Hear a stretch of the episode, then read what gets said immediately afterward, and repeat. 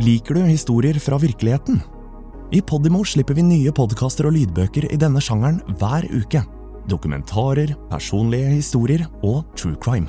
I denne spillelisten kan du høre et utvalg av våre mest populære titler. Podimo. Podkast og lydbøker i én og samme app.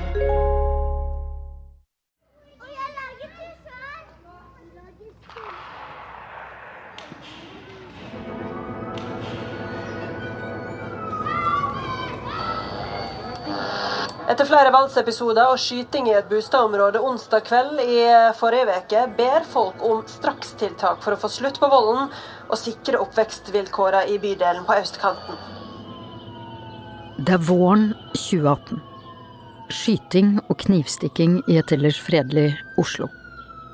Gjengkriminalitet dominerer nyhetsbildet. Og Da syns vi det er fryktelig dramatisk at eh, det foregår skyting kvart på ni i et boligområde. Alle vil gjengene til livs. Vanlige folk, politiet, politikerne. Ja, vi skal ikke ta lett på dette her. Jeg har sjøl vært i Sverige og hørt på de erfaringene de har hatt der med områder der det har gått helt gale. Det blir debattert om Norge har fått svenske tilstander. Og vi skal heller ikke få det, og det er derfor vi nå skal sette inn støtet. Men hvordan skal politiet rydde opp i dette? Jeg spør om jeg kan få følge deres arbeid fra innsiden. Det skulle føre meg inn i hjertet av Kripos. Til en årelang jakt på organiserte kriminelle nettverk som forsyner de norske gjengene med narkotika. Jeg lover jeg har kjøpt den. Jeg lover jeg har kjøpt den. Til jakten på noen av Europas mest hardbarka kriminelle. Jeg kommer tilbake til dette. Jeg vet du gjør det. Og du får bort meg, får du noen andre. Jeg ser ikke, jeg skal betale det. Til Operasjon Hybris.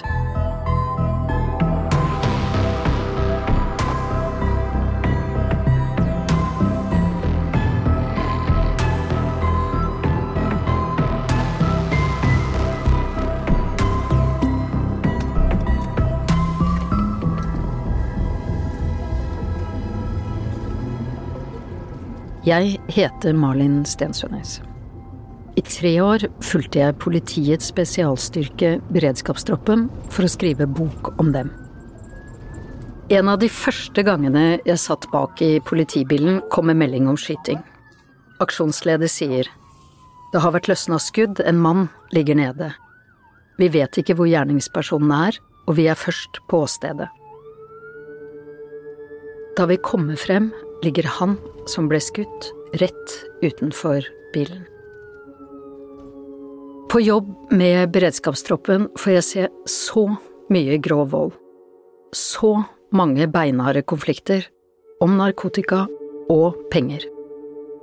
Når boka er skrevet, vil jeg videre. Til dem som jakter på bakmennene. Dette er første gang det fortelles fra innsiden om politiets bruk av skjulte metoder. I Kripos hovedkvarter i Oslo har seksjonen for organisert kriminalitet samlet seg. Her sitter etterforskere, etterretningsoperatører, dataanalytikere og jeg. Etterforskningsleder Ørjan Kleven leder møtet. Han er middels høy, mørk blond, med blå øyne bak diskré briller. Orgkrim-gruppa på Kripos er jo mellom 20 og 30 personer, og de fleste der har jo bakgrunn fra arbeid med organisert kriminalitet. Så det er en, en erfaren eh, og godt sammensatt eh, gjeng med etterforskere. Ørjan har jobba med dette nesten hele livet. Orgkrim, som de kaller det, er kriminalitet som begås av flere, i samarbeid og over tid. Det å etterforske noe som skal skje, og kanskje også avverge det, har jo tiltalt meg. De profesjonelle kriminelle opererer ikke synlig. Ørjan og folkene hans må ha tålmodighet, vente og se hva de kriminelle faktisk gjør. Tolke hva handlingene deres egentlig betyr. Det hadde vært flere gjengrelaterte skytinger, særlig da knytta til Oslo øst. Det var mye snakk eh, både i politi og media om Holmlia-gjengen, eller Youngblood som de ble kalt. Og vi ønska jo da å bidra også i kampen mot eh, de kriminelle gjengene, og foreslo da å starte en sak eh, i den retningen. Det var en kamp om uh, makt og revir, egentlig. Mye knyttet til narkotika. Dette er Kjetil Tunhold, leder for etterretningsavsnittet ved seksjonen for organisert kriminalitet i Kripos. Han er høy og blond med et lyst, konsentrert blikk.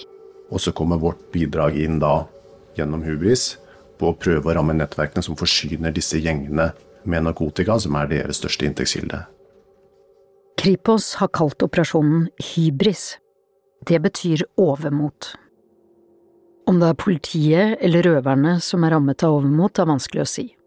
Men i Kripos vet de at det blir en vanskelig jakt, for det er ikke småkriminelle gjengmedlemmer de er ute etter. Organisert kriminalitet er organisert litt mer as crime as a service.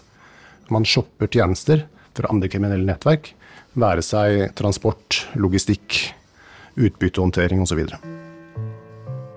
Organisert kriminalitet og gjengkriminalitet er altså to forskjellige ting. Gjenger hører gjerne til i et avgrenset geografisk sted, som en bydel. Organiserte kriminelle er på et høyere nivå. De forsyner for eksempel gjengene med narkotika. Å få informasjon om disse kriminelle nettverkene er vanskelig. For de var jo ikke noe sånn nevneverdig videre interessert i å samarbeide med politiet. Verken som fornærmet eller som mistenkt, da, for å kalle det det. I disse miljøene tyster ingen. Det er en brutal verden med lav terskel for bruk av grov vold.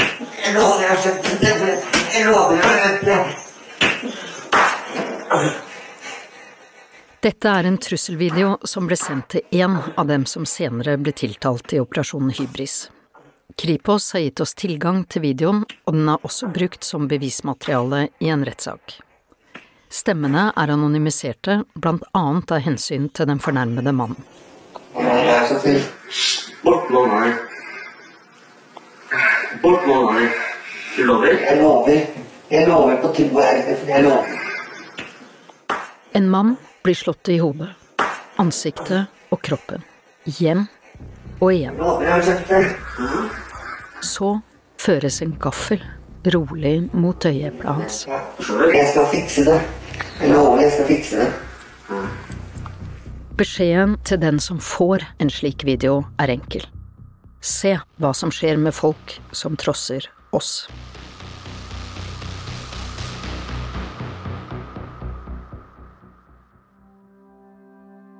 Det er dette miljøet Kripos skal jakte på nå.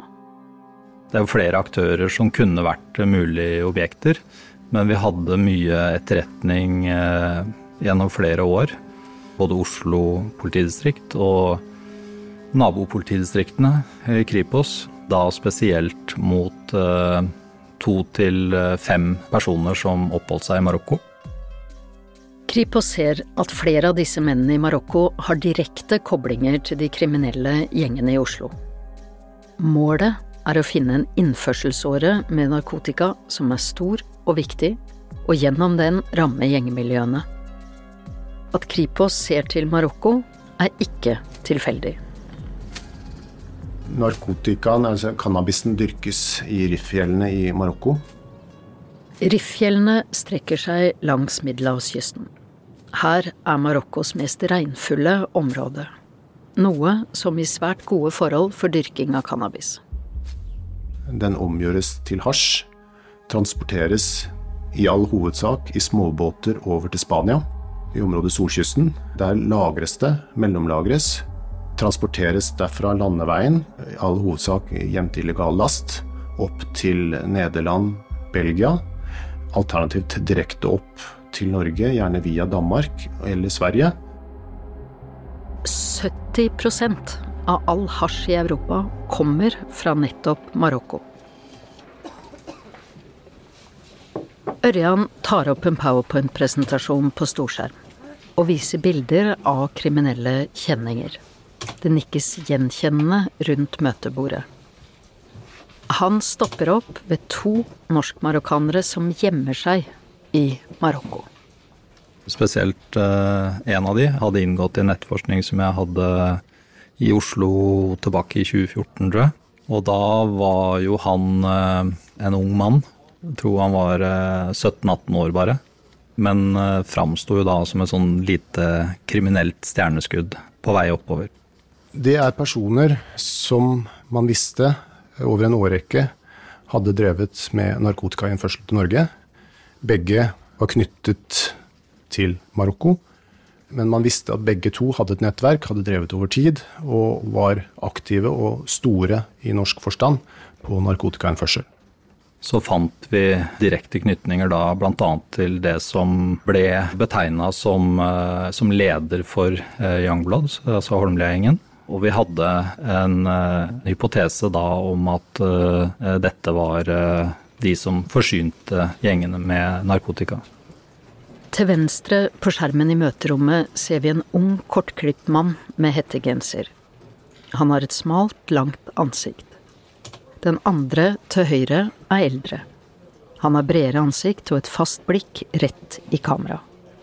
Vi kaller dem Ali og Itcha.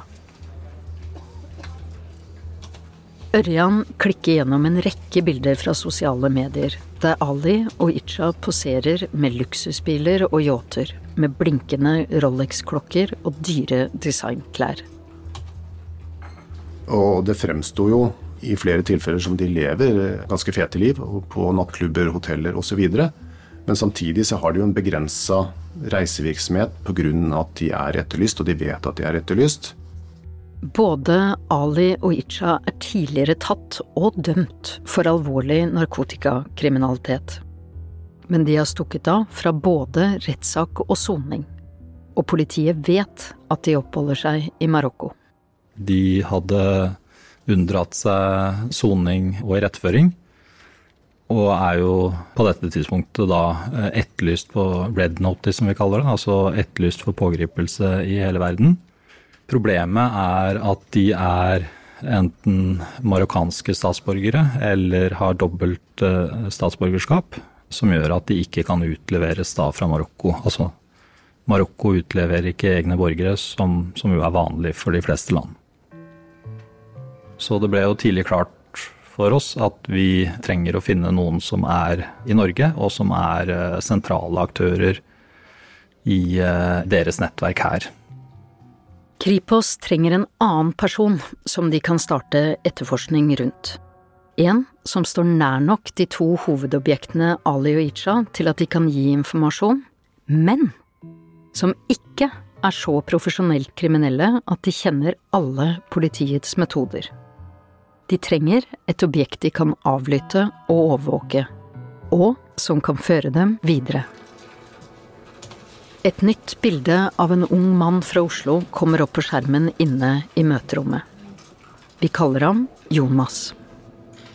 Eh, når vi velger da å starte på Jonas, så er jo det fordi at vi ser at han er eh, både sånn som vi ser det, tett på hovedobjektene. Han har en sentral rolle.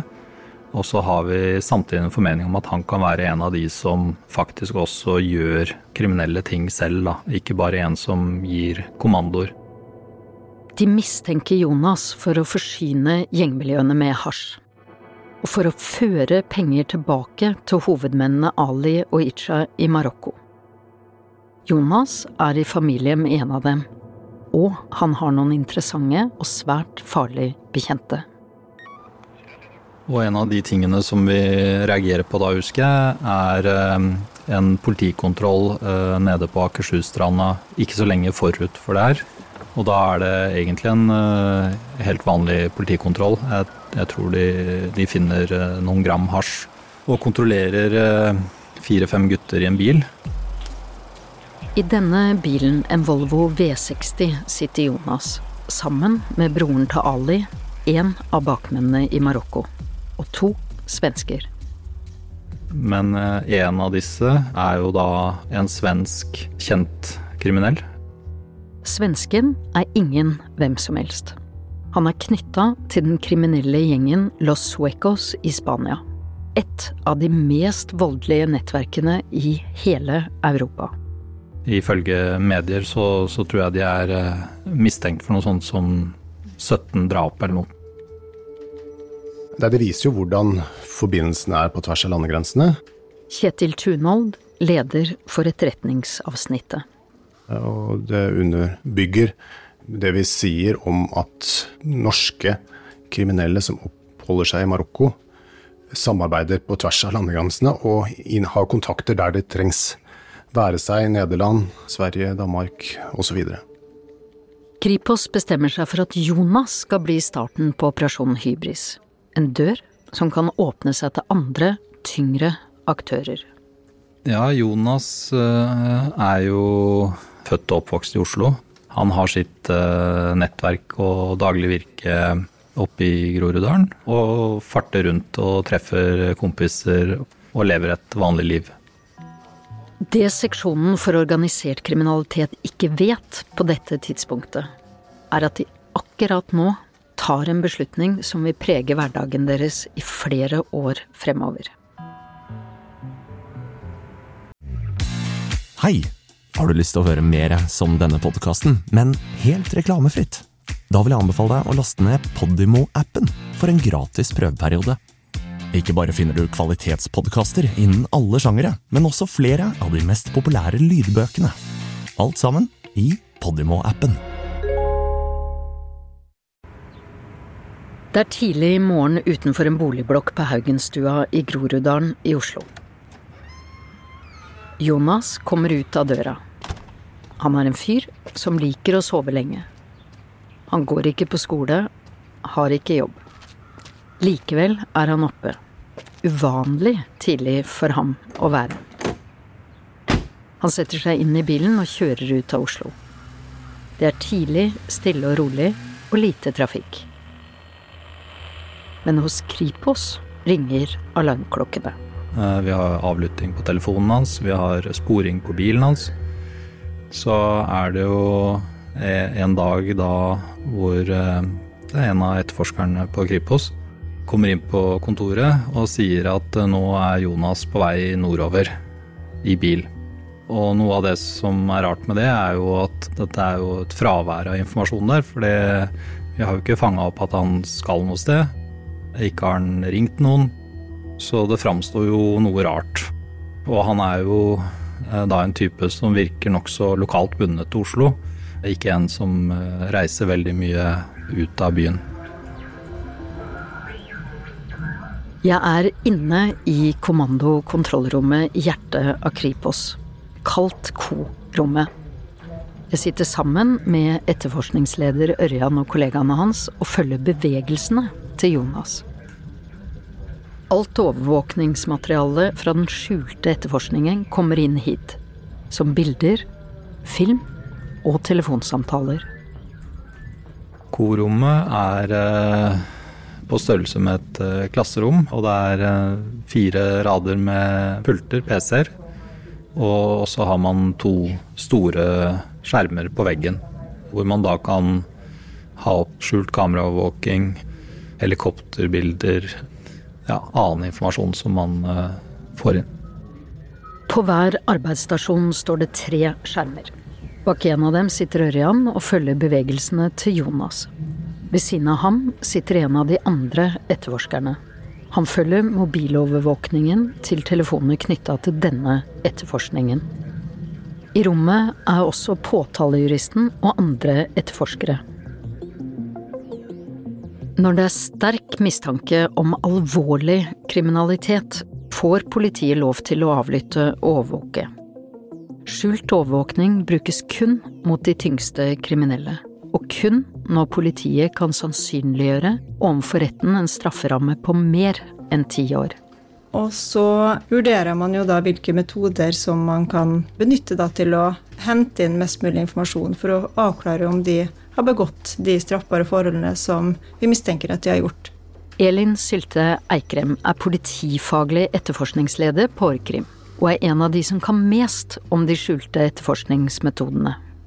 De metodene som vi oftest benytter, er jo kommunikasjonskontroll, eh, spaning, Vi bruker eh, hemmelige ransakinger, romavlyttinger. Og vi starter jo gjerne med de enkleste metodene, sånn som f.eks. da spaning. Og så går man jo videre til mer eh, tyngre metoder etter hvert. Skjulte metoder betyr at vi får benytte etterforskningsskritt som den som er utsatt for det, ikke får vite om. Håvard Underland er også politijurist i Kripos. Nå passer han på overvåkningen av Jonas som er på vei nordover. Det vil si at vi kan avlytte telefon, datamaskin. Vi kan også drive med romavlytting. Det vil si at vi kan sette mikrofoner inn i hus og få med oss hva som blir sagt der. Jo tettere vi kommer på personen, jo strengere vilkår er det naturligvis for at vi skal få lov til å, å bruke de metodene. Det er jo det vi kaller den fulle verktøykassa til politiet. Etterforskningsleder Ørjan Kleven. Så det er jo en spennende jobb. Det er jo et stort ansvar. Det er mye regler som skal følges opp rundt det.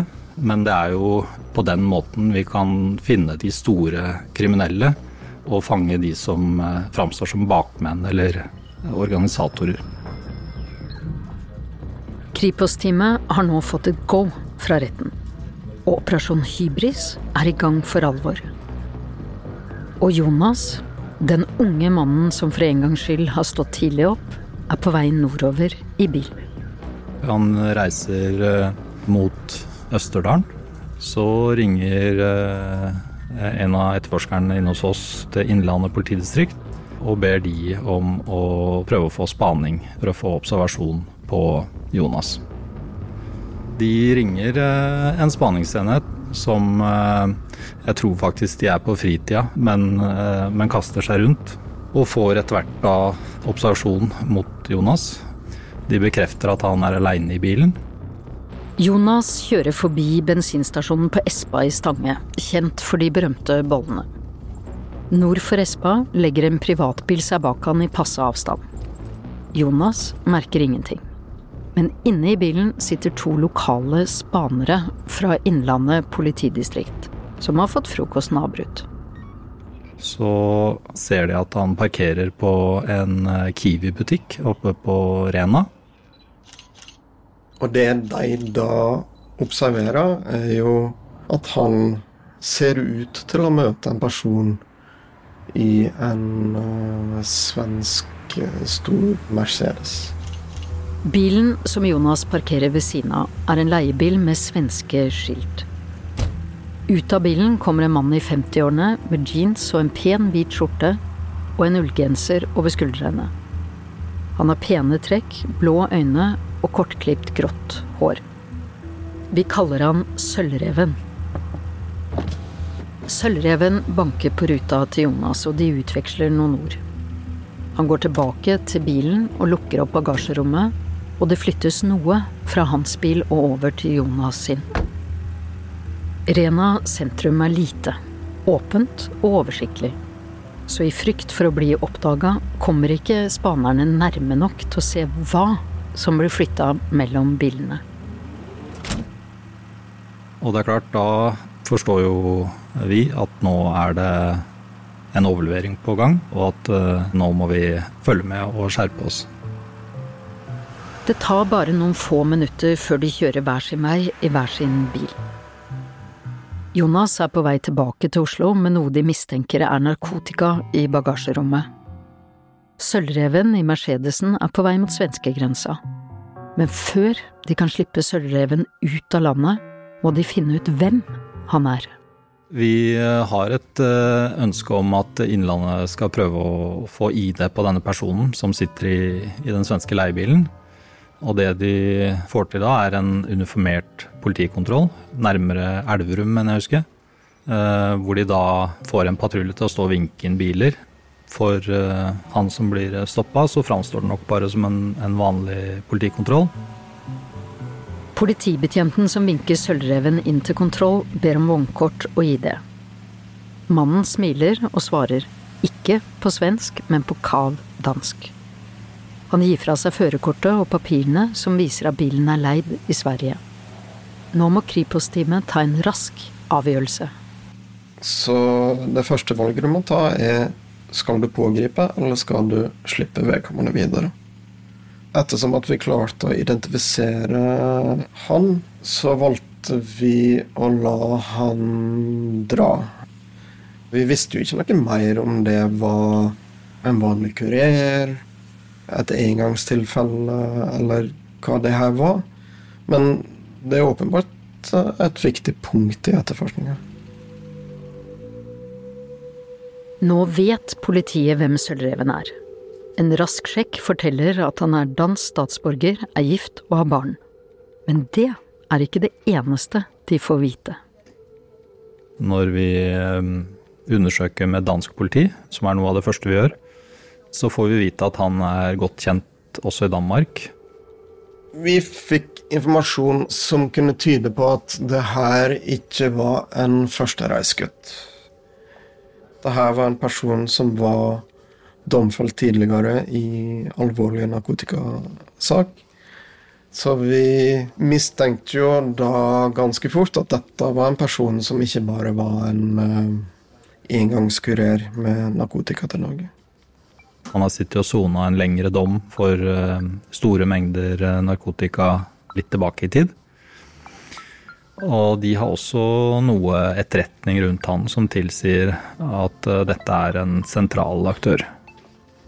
Nei, vi er jo selvfølgelig kjempeglad.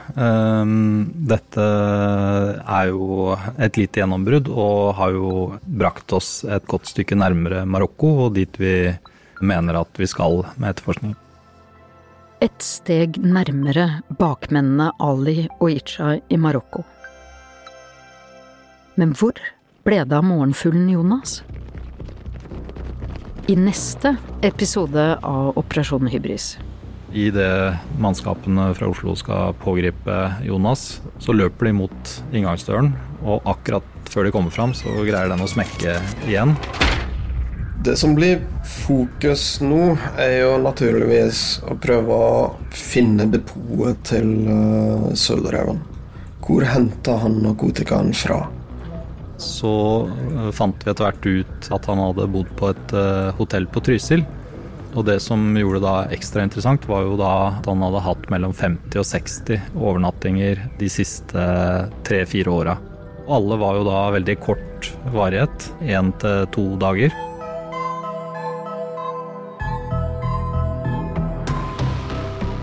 Du har hørt første episode av Operasjon Hybris. Forteller og intervjuer av meg, Malin Stensønes. Manusforfatter er Ellen Borge Christoffersen. Produsenter Henriette Autande og Marte Rommetveit. Lyddesign Sondre Myrhol. Musikk Hans Kristen Hyrve. Redaktør Nina Stensrud Martin. Operasjon Hybris er produsert av Aschehoug Forlag og Henry Produksjon for Podimo.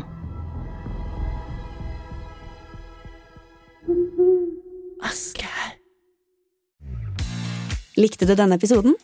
Så del den, da vel! Fortell en venn hva du hører på, og gi følelsen av god lytting i gave til noen du bryr deg om.